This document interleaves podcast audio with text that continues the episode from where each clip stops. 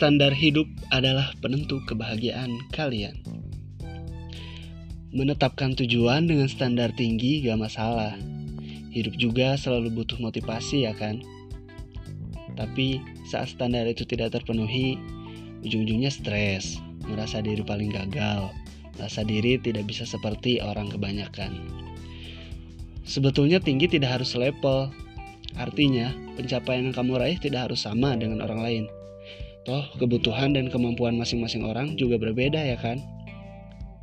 Selalu bersyukurlah dengan apa yang kamu usahakan. Selalu bersyukur dengan apa yang kamu raih saat ini.